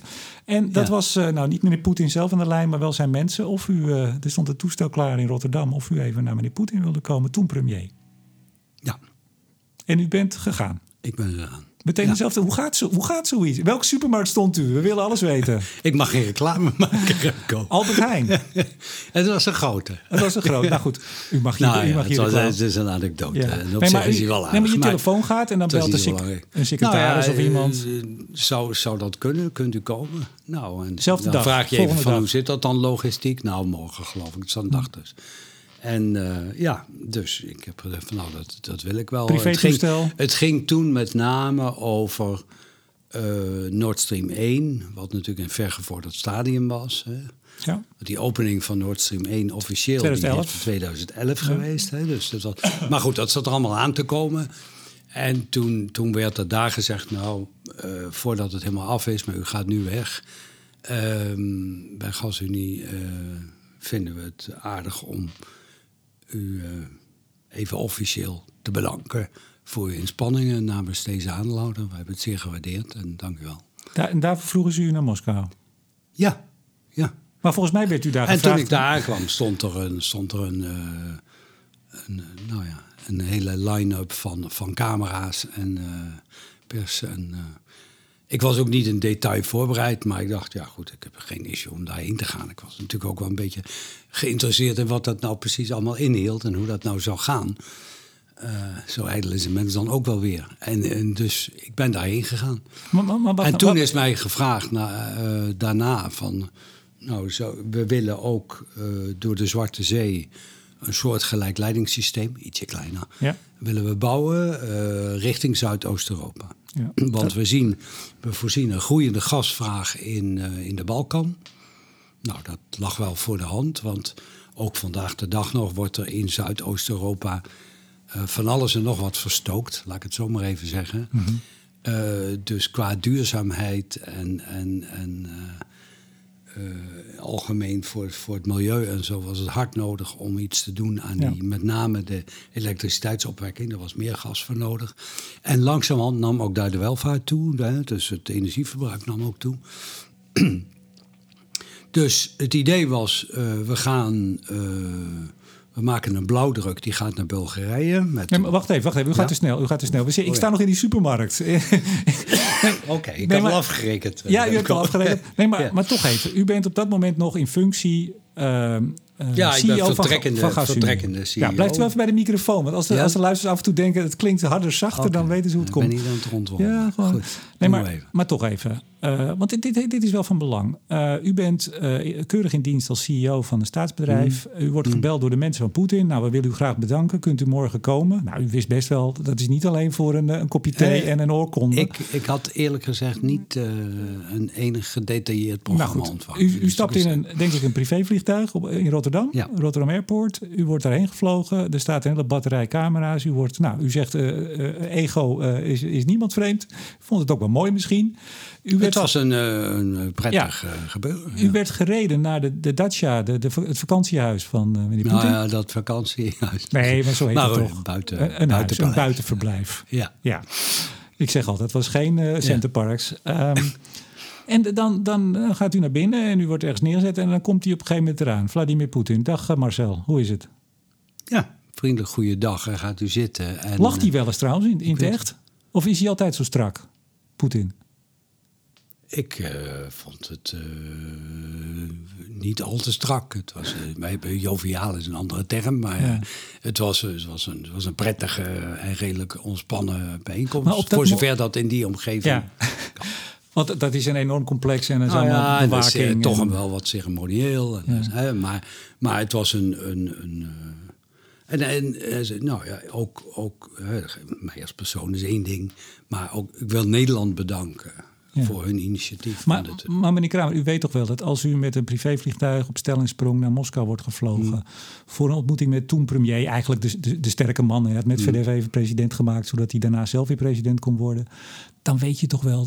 En bedoel, dat is niet erg, maar dan Nee, weet je wel dat nou, is niet, ik was dat is wel niet voor een bedankje alleen. nog- Nee, maar ik was ook, daar hebt u helemaal gelijk in. Maar ik was ook wel benieuwd wat er verder nog was. Of er nog verder iets was. Maar daar werd dus niks over gezegd van tevoren. Nee, maar toen zat u daar en ja, moet je luisteren, Marcel? Ik heb mensen wel voor minder in vliegtuigen zien stappen. Ah, dus oké, zo gaat dat in uw wereld. Nou ja, in alle grote landen gaat dat zo. Maar, maar, maar, even, uh, alle gekheid op een stokje. Uh, Nord Stream, dat was via de noordkant eigenlijk rondom dat Belarus en, en vooral Oekraïne... dat om, kunnen omzeilen als ze lastig werden. Hè? Om toch de gasleveranciers... Nou, en om aanvullende, aanvullende uh, gasvraag. Dus we zaten in die sfeer. hè? De golden, de, je hebt het wel gehoord van het EA, de golden age of gas. Uh, Toen zei uh, meneer Poetin tegen u... nou, we willen ook via de zuidkant, South Stream. Ja. En wil jij daar de leiding van op je nemen? Ja, want wij hebben een plan voor een soortgelijke uh, samenwerking met Europese bedrijven. Dus dat wordt 50-50. Rusland, Europa. Nou, het was meestal 51% Gazprom, toch? Ja, maar het was de facto, als je er goed naar keek, was het toch een 50-50 verhaal. Hè? En ze hadden elkaar ook hard nodig. Nee, maar, nee, nee, maar wacht even. Ook bij Nord Stream was het 51% Gazprom. Dat betekent toch, die 1% is heel belangrijk. Dat is altijd zo. Oké, okay, maar, goed. Uh, dat is geen 50-50 dus. puntje bij paaltje komt, zoals okay. dat heet. Hè? Nou, dat ja, is goed. Dus, maar het was, het was een samenwerkingsverband. Um, en in dit geval waren dat Fransen, Duitsers en Italianen. Um, en uh, ja, was het idee dat uh, daar dus een bedrijf, een gezamenlijk bedrijf zou worden opgericht. En daar moest iemand de dagelijkse leiding van dat ja. bedrijf hebben. En even, dat, dat ging, dat ging via uh, Rusland door de Zwarte Zee, over de bodem, Bulgarije en dan richting Hongarije, Oostenrijk. Ja. Dat was het idee. En een hele diepe bodem, hè? Twee kilometer. Een hele diepe ja, bodem. Heel anders dan de Baltische Zee. Oh, ik heb voor, de, voor de geïnteresseerde luisteraar. En, en geen, geen uh, meter diameter geloof ik de pijp, maar ik geloof 81 centimeter. Ja, het was een heel fors gebeuren. En het waren verschillende leidingen. En het idee was, die komen dan allemaal samen aan in Bulgarije. En dan blijft er één, die stopt daar. En dan, gaat, dan schuift die uit, als het ware, een telescoop, ja? richting, richting Oostenrijk. Dat was het ja, Maar ook in naar Italië, naar de laars van Italië. Was en dan kon hij ook nog naar Italië. En je kon natuurlijk aftakkingen nog bedenken, et cetera. Dus dat was het concept. En zei u meteen daar op de thee bij meneer Poetin in zijn huis... ja, leuk idee, dat doen we. Nee. Nee, ik heb dat even laten bezinken, maar dat vond ik ook normaal. Ik kom er maar even nog op terug. Van, maar zeg je dan meteen als je weer in Groningen bent... Uh, en, of tegen, tegen EZK, of toen nog EZ... van jongens, ik ben benaderd, of gaat dat niet zo? Nou, ik heb natuurlijk wel met een paar mensen daarover gehad. Ja, dat doe je niet helemaal op je eigen houtje. Nee. Ja. En uiteindelijk hebt u ja gezegd. Ja, ja. En, en, en de Nederlandse benadering was, nou, als er toch iemand bij moet zitten, is het fijn als het een Nederlander is. Dat was het antwoord wat ik kreeg. Ja. Maar in hoeverre is dit anders dan Gerhard Schreuder? Ja, ik ben geen, uh, gelukkig geen bondskanselier geweest. Nee, dat verschil, dat, dat snappen we. Maar nee, maar toch dat je... U was ook ik, geen ben, ik ben dus geen politicus, maar het, het, ja, ik kende natuurlijk een aantal van de betrokkenen uh, via het werk bij, bij Nord Stream. En toen waren ze op zoek naar iemand om, die, om, de South Stream, uh, om het South Stream bedrijf uh, ja. te managen. En, en werd mij verteld van nou ja, dan gaan we niet eerst naar een Fransman, een Duitser of een Italiaan kijken. Ja, en toen kwamen ze bij... Want die zitten er als partners al in. Dus ja, nou, dan kom je soms bij Nederland uit. Zo, zo, is dat gegaan. Ja. En ja, u hebt wat van die ervaring. U hebt internationaal gewerkt. En nou ja, dan, dan lijkt het ons nuttig als u dat zou willen doen. Nou, en, en hoe, hoeveel later nadat u daar was, hebt u ja gezegd? Nou, dat heeft, heeft, een weekje of zo geduurd, denk ik, als ik me goed herinner. Ik weet niet meteen, meteen weer terug met het vliegtuig? Nee, nee, oh. nee dat, ging, dat ging heel simpel. Okay. Maar uh, dat was duurzamer. Nee, ik bedoel dus, toen u klaar ja. was in, in, in, de ja. in, in, het huis van Poetin, toen bent u meteen weer naar het vliegtuig Oh, toen ben meteen teruggegaan. Ja, ja, ja, Nee, dat was allemaal, was allemaal geregeld. Okay. Maar de, um, ja, de, uh, de sfeer was goed. Uh, het was ook iets waarvan ook aan de Nederlandse kant gezegd werd dat van, nou, ik weet niet wat je daar in die rol voor Nederland als zodanig kunt doen, maar het is wel goed als daar een Nederlander bij is. Maar dus. wordt dat dan ook misschien niet formeel afgestemd, maar informeel wellicht met, met ministerie of ministeries? Is daar dan ook contact mee als u ja, zoiets gaat doen? Ja, Dat, dit, kun je niet, dit ga je niet uh, zomaar even. Was natuurlijk ook, hè, zoals je terecht al opmerkte, uh, nog steeds wel in dienst bij GasUnie. GasUnie is een, is een, is een staatsbedrijf. staatsbedrijf. Maar zelfs als het dat niet geweest was, denk ik wel dat ik het initiatief genomen zou hebben om me even met een paar mensen te schakelen van hoe kijk je hier tegenaan. En u kreeg de zegen. En ik kreeg de zegen. Toen, toen, toen zat u daar. Aanvankelijk werd het gevestigd in, uh, in Zwitserland, althans de, de juridische entiteit, later in Amsterdam. Nou ja, eh, Nord Stream 1 zat al in Zwitserland, in, in Zoek, eh, tussen Zurich en Luzern daar, waar veel buitenlandse bedrijven zitten. Uh, Blijkbaar is het prettig daar en, te zitten. En ja, nou ja, prettig. Het is allemaal niet zo heel spannend. Maar uh, dat, was, dat was wat Nord Stream. En die zaten daar al met een fors aantal medewerkers. En het idee was dan dat we uh, Nord Stream 1 zouden, dat zou afgebouwd worden. En dan zouden een aantal van die mensen zouden dan kunnen mhm. overstappen naar dit project. mits dat paste in de aandeelhoudersrelaties. Um, en uh, nou, dat, dat, daar zijn we dus begonnen. Nou, u bent dus ook naar Zwitserland gegaan. Ik ben naar Zwitserland verhuisd en ik ben uh, daar begonnen en uh, had ja, wat, wat Duitse en Zwitserse en Franse en Italiaanse en Russische medewerkers. Mm. Klein clubje, want we moesten het echt helemaal van de grond op afzetten, opzetten. We moesten, moesten dat is een miljardenproject, hè? Ja, miljardenproject. ja, ja. ja, ja. En um, dat moest geregeld worden en we moesten beginnen met een aantal zaken. Uh, zoals de overeenkomst tussen Gazprom Export en het pijpleidingbedrijf voor het gastransport. En natuurlijk overleggen met de landen waar de leiding doorheen moest. Ja. Nou, u gaat lekker aan de slag. in de Balkan uh, u bent, veel rondgereisd. Uh, u, zou, u zou al lang met pensioen zijn, maar u dacht, nou, dat is toch wel leuk. Dit was, was, interessant om te doen. Het was fascinerend om in zo'n project terecht te komen. En uh, uh, natuurlijk moeizaam en natuurlijk complex. Want ja, als je meerdere aandeelhouders hebt, hebben ze meestal ook verschillende culturen en verschillende kijk, kijk op hoe je projecten moet runnen en zo. Ja. Dus dat was wel, Goed, wel maar levendig. Maar toen na een paar jaar ehm, kwam de vraag op van ja, zouden we het bedrijf toch niet uit Zwitserland weghalen. En ik zal niet intreden in wat daar allemaal speelde. Um, nou ja, tenzij het maar, relevant nou, is voor dit verhaal. Was niet, was niet heel interessant voor het verhaal, denk ik. Um, en uh, toen is er gekeken naar alternatieven.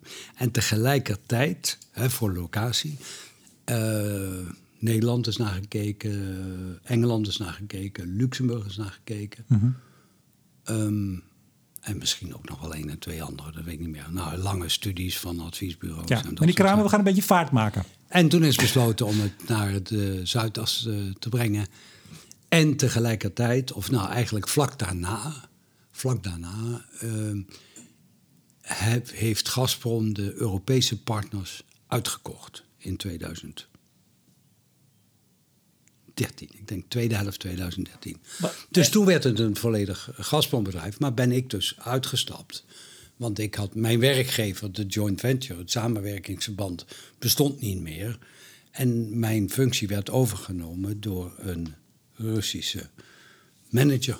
Maar ik vind dit toch wel een snelle sprong. Want een van mijn vragen uh, toen ik uh, u bestudeerde, hmm. was inderdaad. Nou, laten we even. Ik maak even een heel klein sprongetje hmm. voor de luisteraars die het misschien niet weten. Hij is er niet gekomen, althans niet in deze vorm. South Stream is uiteindelijk gecanceld. Ja, mag ik dat zo zeggen? Om, omge, ja. Hoe noem je dat? Omgebouwd. Omge. Nee, maar goed. Uiteindelijk is meneer Poetin... december 2014 uh, eh, heeft hij gezegd... Uh, uh, we gaan het niet doen, want inmiddels waren er sancties ingesteld. 2014, bezetting van de Krim. De EU ging ervoor liggen. Althans, nou ja, dit is een heel duister... althans, een heel ingewikkeld proces? U zucht ook een beetje. Ja, ja is, nou, ik was er dus niet meer bij, maar ik, ik net zeggen. gevolgd. um, want ik ben dus medio 2013 daar, uh, daar uh, gestopt. Ja, maar toch is het gek. Want ik, nee, maar ik wil het even afmaken als u het goed vindt. Uh, want Uh, er is uh, de MH17 wordt neergehaald. Uh, we hadden al in 2013, ik zou zeggen, dat was het, het, het Rusland-Nederland vriendschapsjaar, geloof ik, maar dat was overschaduwd door allerlei incidenten. Ik had er met Verberg ook al over. Ja, dat was, heel, dat was een drama. Er, was, er werd een importverbod ja. door de Russen van Nederlands kalfsvlees, van aardappelen, diplomaat mishandeld in, zijn huis. Hier van in alles en nog wat. Een, Ja. een Russische uh, asielzoeker uh, dood in zijn cel hier in Nederland. Mm. Er waren alle diplomatieke rellen in 2013. Uiteindelijk twee veer, uh, Greenpeace-activisten in ja. de cel gezet. Ja. Echt een rampjaar als het gaat over vriendschappelijke banden. Ja, dat ging helemaal niet goed. Nee. Um, uiteindelijk inval uh, of annexatie van de Krim, uh, steun van de separatisten in, uh, in Oost-Oekraïne. En toen kwamen de EU-sancties en op een gegeven moment zei Rusland... Dit is het officiële verhaal. U mag zeggen nu hoe het dan misschien achter de schermen zat. Nou, dit, we gaan het niet doen. We stoppen hem. Uh, nou, het zou kunnen dat dat de hoofdredenen waren. Uh, er speelden ook nog wel andere zaken. Ten eerste de sterke groei van de gasvraag in Turkije. En de toenemende nou, concurrentie, is misschien het woord tussen, uh, naar de toekomst toe ook, tussen gas uit Rusland en gas uit het Kaspische gebied, met name Azerbeidzjan. Um, de relatie Poetin-Erdogan speelde er doorheen.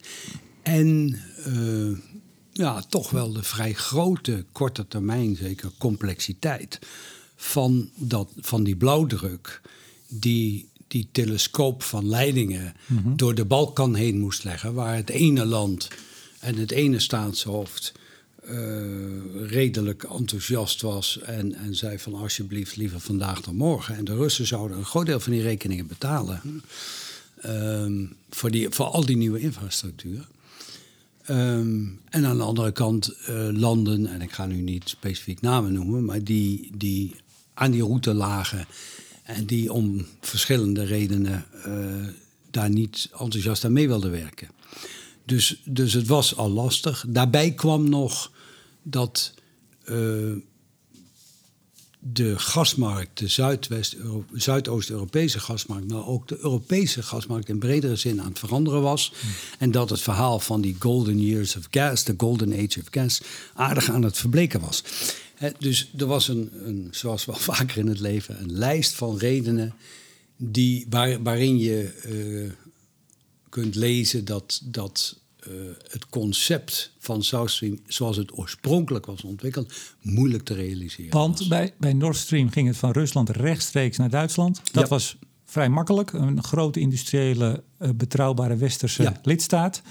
En via de zuidkant, ik heb even dat, uh, dat tracé bekeken. Ja, dat moest via, uiteindelijk via Servië, geloof ik. Het moest ook via Eh, allerlei andere... Bulgarije, Servië, Ja. aftakkingje naar Griekenland en dan door naar Hongarije. Nou. Hongarije, vrij grote gasconsument. Gas, eh, consument.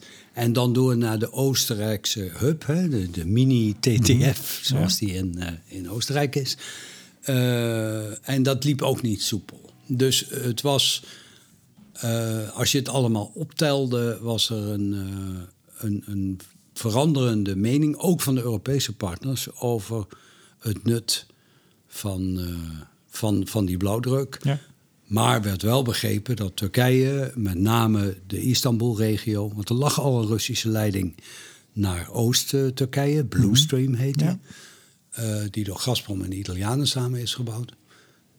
Dat Istanbul-gebied met veel industrie, daar zag men ook wel echt groei in, de, in het gasverbruik. Bovendien waren de Turken zeer geïnteresseerd in eh, een grotere rol op energiegebied. Ja. Eh, in termen van, van doorvoerland. Ja. Dus, eh, Uit, uiteindelijk, ehm, want ehm, ik zou iedereen willen aanraden die hier meer van wil weten. eh, nou, zoek even wat op. Dat is vrij makkelijk te vinden. Want we kunnen uren over al die pijpleidingen en hoe ze er wel en niet eh, gekomen zijn. Ja, ja. Uiteindelijk werd Turkstream, dat ging een deel van hetzelfde tracé lopen als Bluestream. ja. Of sorry, als ehm eh, Southstream, pardon. Ja, ik raak ook af en toe in de war. Eh, uit- uiteindelijk kreeg Poetin ook weer ruzie met Erdogan. Want uiteindelijk hebben de eh, Turken op een gegeven moment een Russisch toestel, gevechtstoestel neergeschoten in 2015. Wat ook weer Ja, er gebeurt alles hangt en alles vast. Ja, precies. Dat is dan, dan zijn er momenten waarop die relaties natuurlijk heel lastig worden. Want op is dit moment. begrijpelijk. Ja, maar toen, eh, dus uiteindelijk is er is toch een deel aangelegd onder een andere naam. En is men nu bezig om alsnog eigenlijk het tracé. Ik las de, de South Stream Light om alsnog via de landen die we net noemden een aansluiting te krijgen, begreep ik. Nou ja, er blijft daar eh, behoefte aan, aan meer aardgas en aan betere eh, infrastructuur. De, de grote complicatie van Zuidoost-Europa, van de Balkan met name, is dat veel van die markten op zich tamelijk klein zijn. En het dus moeilijker is om dat allemaal van land tot land te rechtvaardigen en te organiseren. Ja. Ik, zag, ik zag eh, nog bij de NOS een interview, december 2014, toen Poetin de stekker uit South Stream, uw project, trok. U was dus al een jaar weg toen. ja. U zat voor een knapperend haardvuur. Kent u dat interview nog? Ja, ik heb daar wel een, een redelijk vage herinnering Ik vond het heel bijzonder. Ik iemand, weet niet in welk kader. daar een soort fireside talk van maken. of Ja. zo. ja, ja. Beetje Harry Mens-achtig. Ja. dat is Ja. geen, compliment, geen compliment. Ik ga daar niks over zeggen. Nee, dat zou ik ook niet doen. Maar, maar u bent toen geïnterviewd voor de NOS. En dat is toch wel even relevant ook voor de huidige situatie eh, waar we in zitten. Mhm. Eh, het was het, het bijna vijf minuten, of eh, pardon, bijna drie minuten. Dus het is onge- ongeknipt ergens op een site Mhm. beland. Ehm, over het niet doorgaan van, van South Stream. U, u, u- u noemde dat wel geen goed nieuws voor, voor Europa. Nou ja, eh, kijk, er waren, er waren twee, moet ik helaas nog weer een pijpleiding noemen. Er was nog een groot ander project, Nabucco, heel sterk ge- gesteund door de Europese Commissie.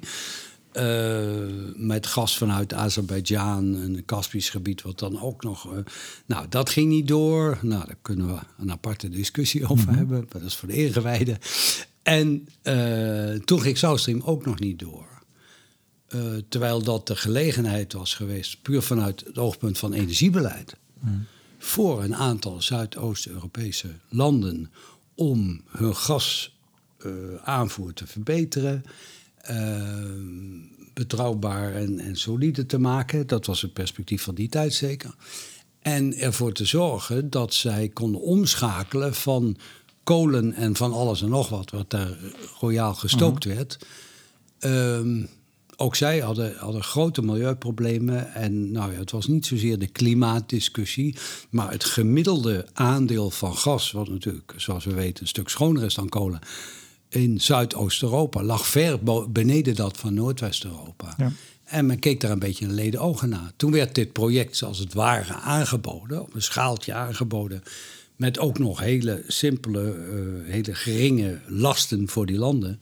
En toen ging ook dat niet door. Ja. Dus dat was, was in, in dat perspectief was Ja, dat geen zei, goed nieuws. U zei het is niet goed voor de energiezekerheid. We krijgen onzekerheid. Het is ook eh, wellicht allemaal duurder, want het Russisch gas was relatief goedkoop. Ja. Blijkbaar, toen nog Ja. altijd. En u zei inderdaad vervuilender omdat je anders meer kolen. Ja. Maar je zou toch met de bril van nu zeggen. Nou, mooi. Dit was, eh, anders waren we nog afhankelijker geworden. Nogmaals, er, er werd uiteindelijk toch aan gewerkt aan Turkstream. Dus uiteindelijk kwam er wel een pijplijn, maar het is nog allemaal niet wat het toen had moeten worden. En veel later. En veel later. Maar ehm, met de bril van nu zullen we zeggen... nou ja, gelukkig maar. Anders hadden we nog meer aan die jongens gehangen. Ja, nou, een deel van, ook een deel van dat gas wat er wel heen gaat nog steeds, komt natuurlijk nog steeds door de Oekraïne. Oekraïne dus eh, het, is een, het is inderdaad, je zou het zo kunnen bekijken. Maar eh, het, het, probleem, het is niet, ze zijn niet helemaal eh, free to go, zo te zeggen. Ehm, Wie- wie zijn en de fundamenteel die landen. Mhm. En fundamenteel eh, is er natuurlijk toch van belang dat zij erin slagen om, en dan nu met een extra bril op voor wat betreft leveringszekerheid en mogelijke conflicten en alle toestanden die nu over, over ze heen komen eh, en over ons.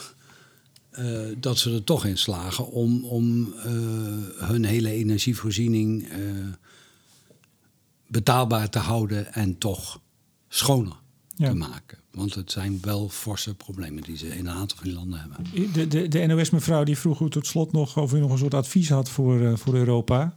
Eh, toen zei u, tel uw knopen. We moeten ons best doen, van beide kanten, Rusland en de EU... om de relatie met de grote buurman goed en stabiel te houden. Ja, dat vond ik toen ook.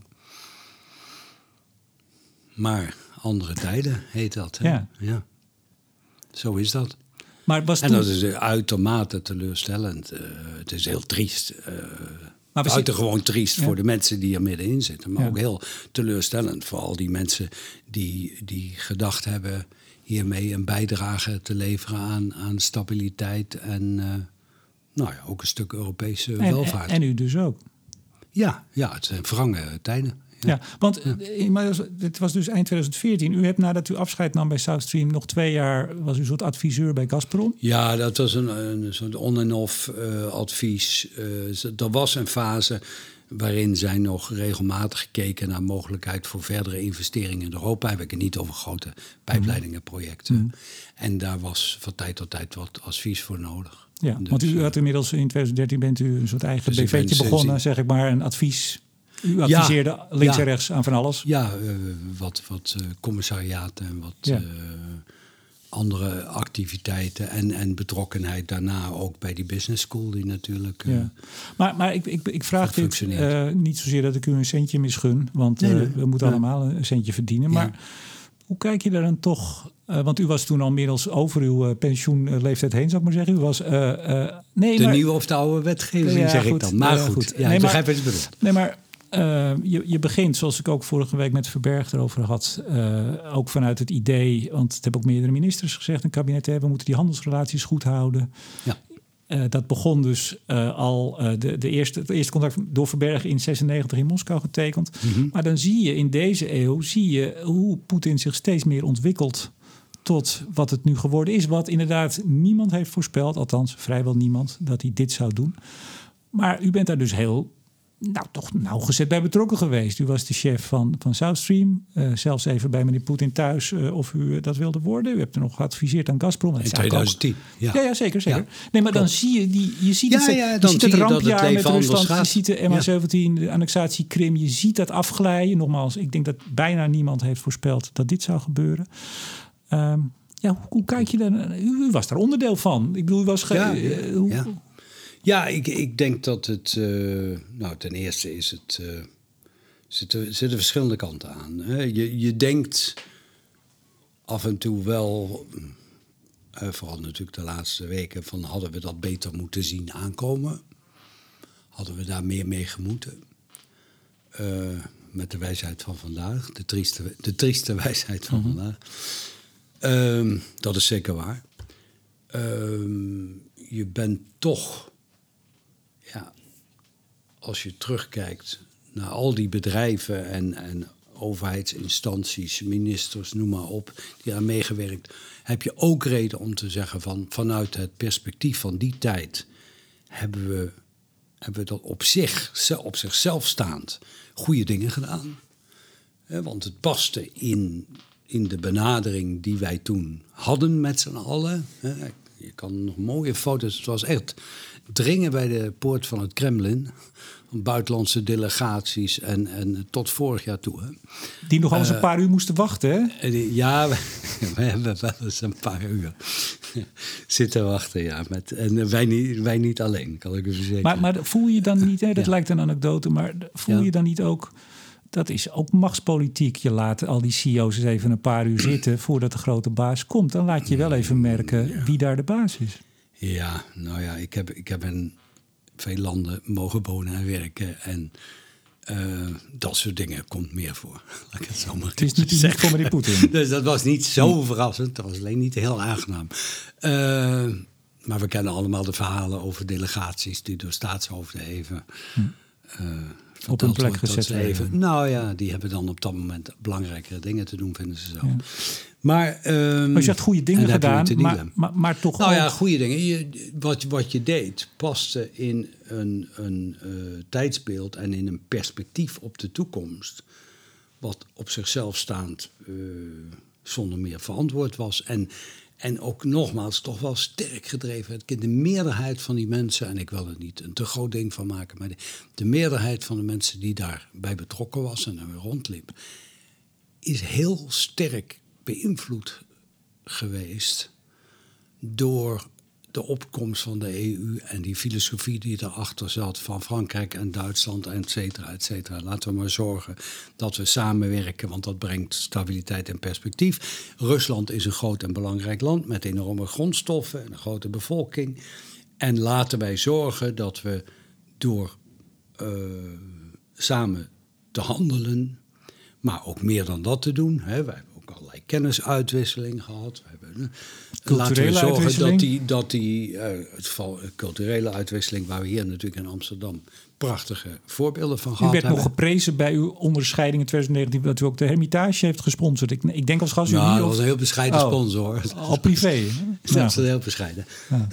Maar, nou ja, dat past allemaal in dat beeld. En dan blijkt ineens dat die op zich, ja, althans dat is mijn invloed, die op zich logische en vrij consistente benadering die in de volle breedte heerste eh, in een periode van, nou, tenminste een jaar of tien, eh, dat die uiteindelijk eh, niet opging vanwege de veranderingen aan de top en andere inzichten en, en een andere insteek. Zeker is het waar dat er van tijd tot tijd wel, ik ben daar niet persoonlijk bij geweest, maar dat er natuurlijk wel af en toe een signaal was. Maar men dacht, denk ik toch, dat we op het goede spoor zaten. En Maar het is heel triest dat dat dan niet verder kan. Triest voor ons, ook triest voor tal van, van natuurlijk in de eerste plaats voor de Oekraïners, maar ook voor tal van Russen. Ja, maar, maar toch even, we gaan het nu over een periode hebben eh, toen u al weg was. Dus ik kan u dat niet meer bevragen als, Hmm. als functionaris van GasUnie of wie dan ook. Maar er is natuurlijk, dit, dit neem ik voor mijn rekening, er is natuurlijk wel een omslag te zien. Niemand, of bijna niemand, zal die oorlog voorspeld hebben. Ja, er zat wel iemand die alles voorspelt, maar niet serieus. Maar 2013, dat rampjaar in de, in de diplomatieke betrekkingen. 2014, eh, de Krim. Eh, daarna eh, waren ook al de, de, de, de homorechten die met voeten getreden werden in Rusland... Ja. waar we in Ja. Nederland tegen demonstreerden. Ja. Nou, ik, ik, ik ga- maak wat sprongen. Vergiftiging, het uitschakelen van tegenstanders. Navalny, noem maar op. het is het dan zo... toenemende- Want u zit nog heel erg in die gaswereld. Weliswaar niet meer in een... Nou, goed. Als u dan op receptie staat of u belt met mensen of u spreekt... ehm, Hmm. is er dan het besef dat er ergens een omslag is gekomen van... nou, we zijn nu afhankelijk en we kunnen dus niet meer terug. Al vinden we van alles. Even los van die oorlog. Want we konden toch de afgelopen jaren zien dat Rusland niet het land geworden was... wat u en uw leeftijdgenoten en de mensen die eraan werkten... aan die vriendschapsbanden. Het is het niet geworden. Dat zagen we de afgelopen jaren al. Ik denk dat dat klopt. Ik denk dat het dat niet geworden is. Ehm, van de andere kant eh, gaat dat in, in de activiteit van dag tot dag anders natuurlijk. Want je bent bezig met projecten. Eh, nou, die zijn niet allemaal makkelijk, maar die lopen. Je hebt relaties. Eh, beide partijen, want anders zouden ze het niet doen, zijn tevreden met wat zij daar wat ze daar uithalen, wat ze daardoor krijgen. Europese partijen, even goed als Russische. En die trein die rijdt. Maar, maar en dat er dan ergens voor in die trein iemand zit die denkt... ja, maar ik ga straks misschien links afslaan en die roept dat af en toe. Ehm, ja, dat maand je tot enige voorzichtigheid. Maar die, in die zin is, is eh, zou je kunnen stellen dat ook zelfs die pijpleidingen, die natuurlijk deels ook waren om aan onze geprojecteerde hogere gasvraag te voldoen. Ja, er waren altijd natuurlijk twee kanten van die pijpleiding. En die er deels op gericht waren om die stabieler en zekerder te maken. Dat dat ook een heel belangrijk argument was om daar eh, mee door te gaan. Ja.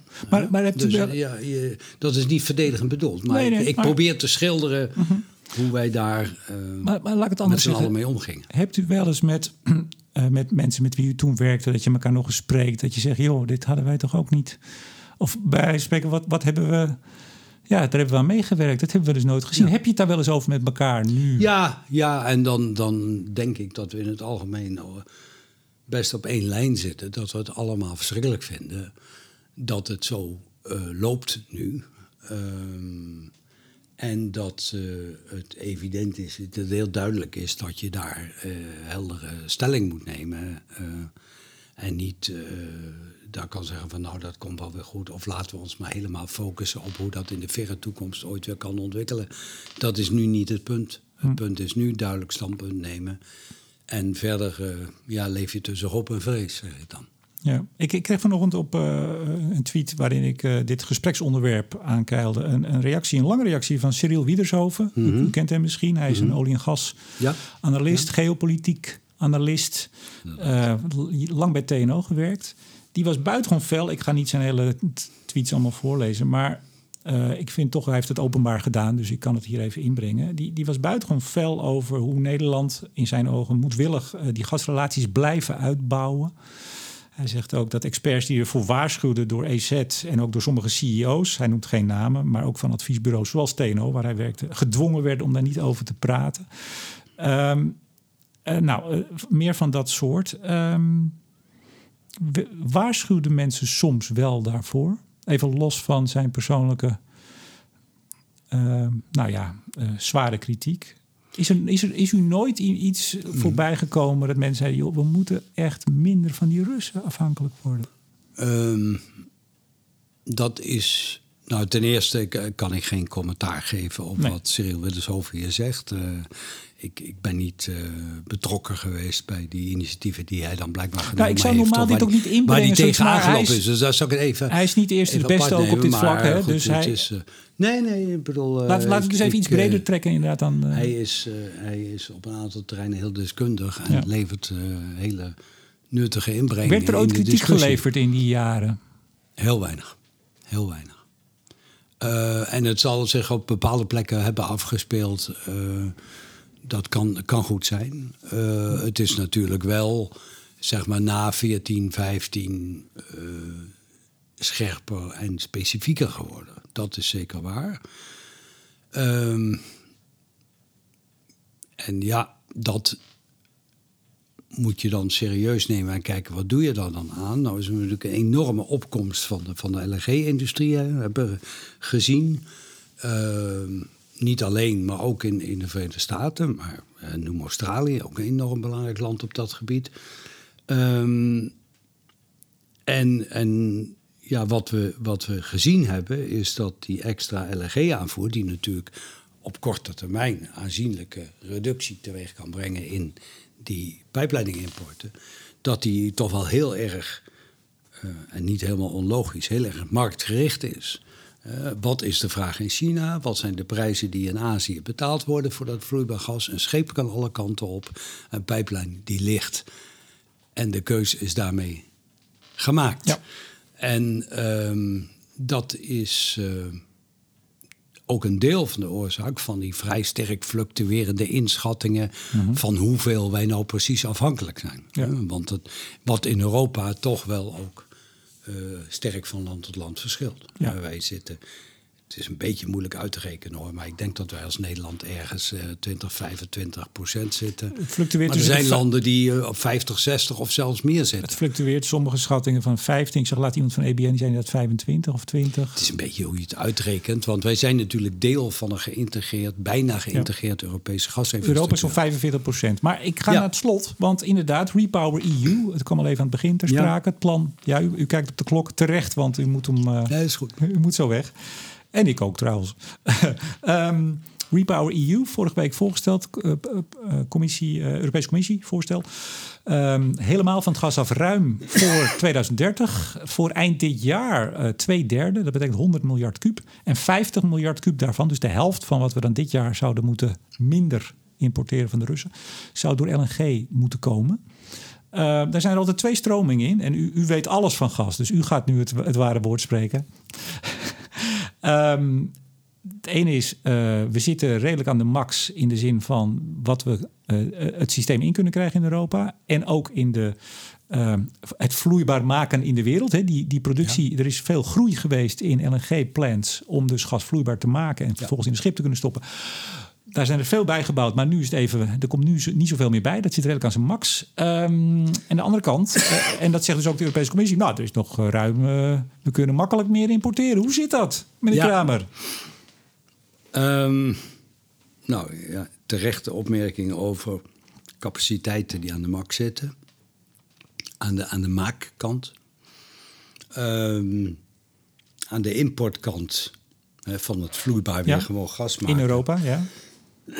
Varieert het nogal sterk in Europa.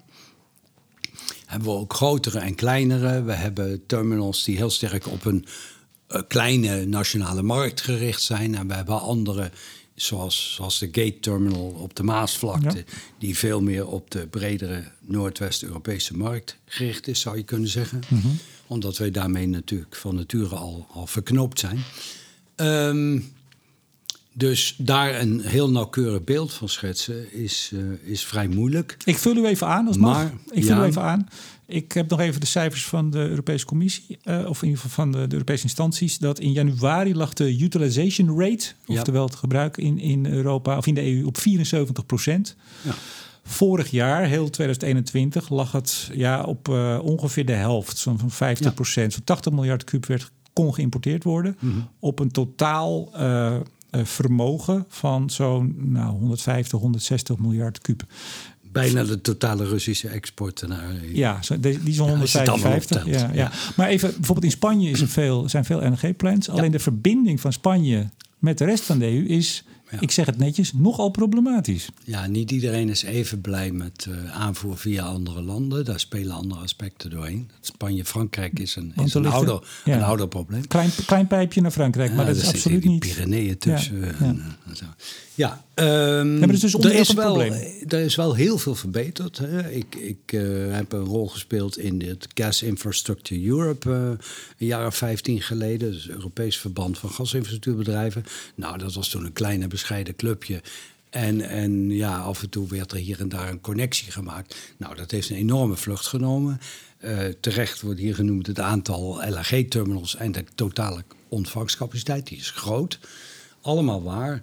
Maar als je de soort. Als je, als je de aantallen die de commissie nu suggereert zou willen binnenbrengen in de EU op een manier die ook nog logistiek en zakelijk zinnig is, dan heb je een zeer gedetailleerde coördinatie en, en een soort, eh, wat is het mooie Franse woord, dirigisme nodig. Mhm. een, een soort beleid van bovenaf, waarbij je eens even de, de hele het huidige marktmodel terzijde schuift en zegt van wij gaan nu ergens vanuit Brussel of een andere plek precies aanwijzen wat waarheen moet, hoeveel en wanneer.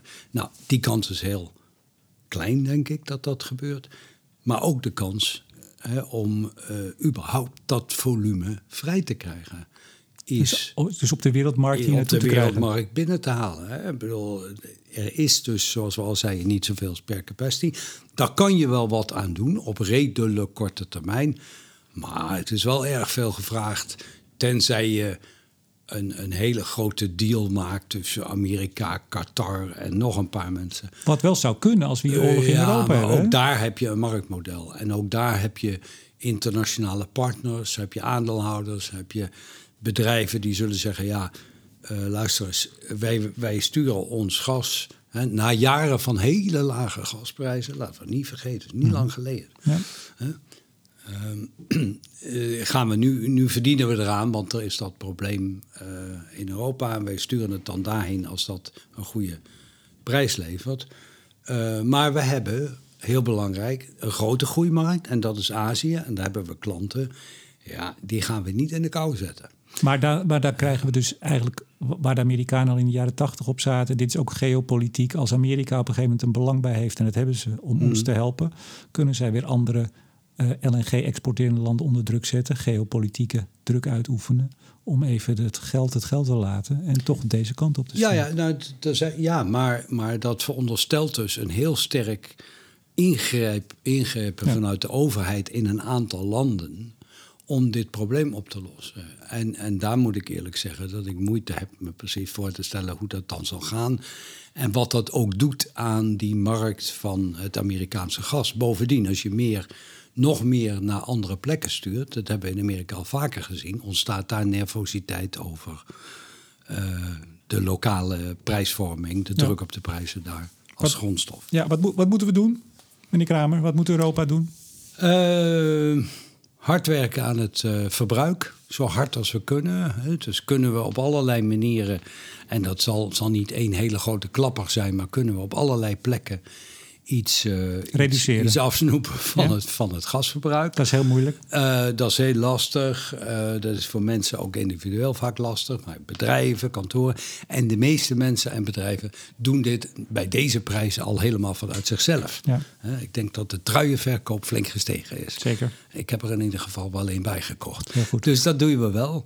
Ehm, productie verhogen. Um, kan hier en daar iets, heeft ook tijd nodig in veel gevallen. De Noren zitten toch echt wel aan het plafond, zoals we weten. Ja, Groningen? Uh, nou ja, dat is, een, dat is een nationale beslissing. Dat is een, een overheidsbeslissing in een veel breder kader. Gezien de hele toch pijnlijke, pijnlijke geschiedenis rond uh, schadeafwikkeling en mm et cetera. We hebben ook nog weer net het advies van staatstoezicht voor de mijnen gelezen. Onverantwoord. Uh, die zeggen van, nou ja, precies. Ja. Ehm, nou, dus die discussie is gaande. Zou, een groot, hè, zou natuurlijk een groot verschil maken. Hè, als je praat over, uh, ik zal geen specifieke getallen noemen, maar iets van 10 tot 20 miljard kubieke meter per jaar weer erbij. Maar ik ga niet speculeren over hoe dat zal gaan, wanneer het zal komen. Mag ik het samenvatten? En dan de importen uit eh, andere landen dan Rusland, daar hebben we het al over gehad. Pijpleiding. Moeizaam, moeizaam pijpleiding, ook vanuit Noord-Afrika. En ja, als we het dan hebben over geopolitiek en de consequenties daarvan hebben we ook nog wel wat om ons over achter de oren te komen. Ik geloof dat de Europese Commissie daar zo'n 10 miljard kub ziet aan mogelijkheid dit jaar. relatief weinig. Vragen of de Algerijnen dat ook zien. Moeilijk dus, hè? Moeilijk. Ja, moeilijk. Maar we moeten ja, alle, alle zeilen bijzetten en ons best doen. En uh, kijken hoe ver we kunnen komen. En vooral ook die wintervoorraden aanvullen. Want dat lijkt mij een... Uh, een, een redelijk logische beslissing. Het is altijd iets ingewikkelder om daar dan wetgeving en organisatie op zijn plaats te hebben. Maar in Nederland misschien is dat wel makkelijker dan in veel andere landen. Ja. Toen ik even bergen wegging, toen zei ik, ik ben nog wat vergeten. Toen heb ik nog een soort uh, epiloog opgenomen. Zijn wij rond? Of hebt u nog iets op het, uh, op het hart? U hebt een klein briefje liggen waar u net nee, even keek? Nee, nee? dat uh, waren wat andere puntjes, maar dit is prima. Goed zo, dan zeg ik Marcel Kramer, voormalig CEO van GasUnie en nog, nou, nog heel veel meer. En nog altijd goed bekend in de, in, in de internationale gaswereld. Hartelijk dank voor het gesprek. Graag gedaan. En uiteraard bedank ik ook jullie, beste luisteraars. En in het bijzonder alle vrienden van de show, waaronder Koninklijke FMW, Netbeheerder Steding, Team Energie van Ploem Advocaten en Notarissen, Neptune Energy en energiebedrijf Eneco. Mijn naam is Remco de Boer. Graag tot volgende week.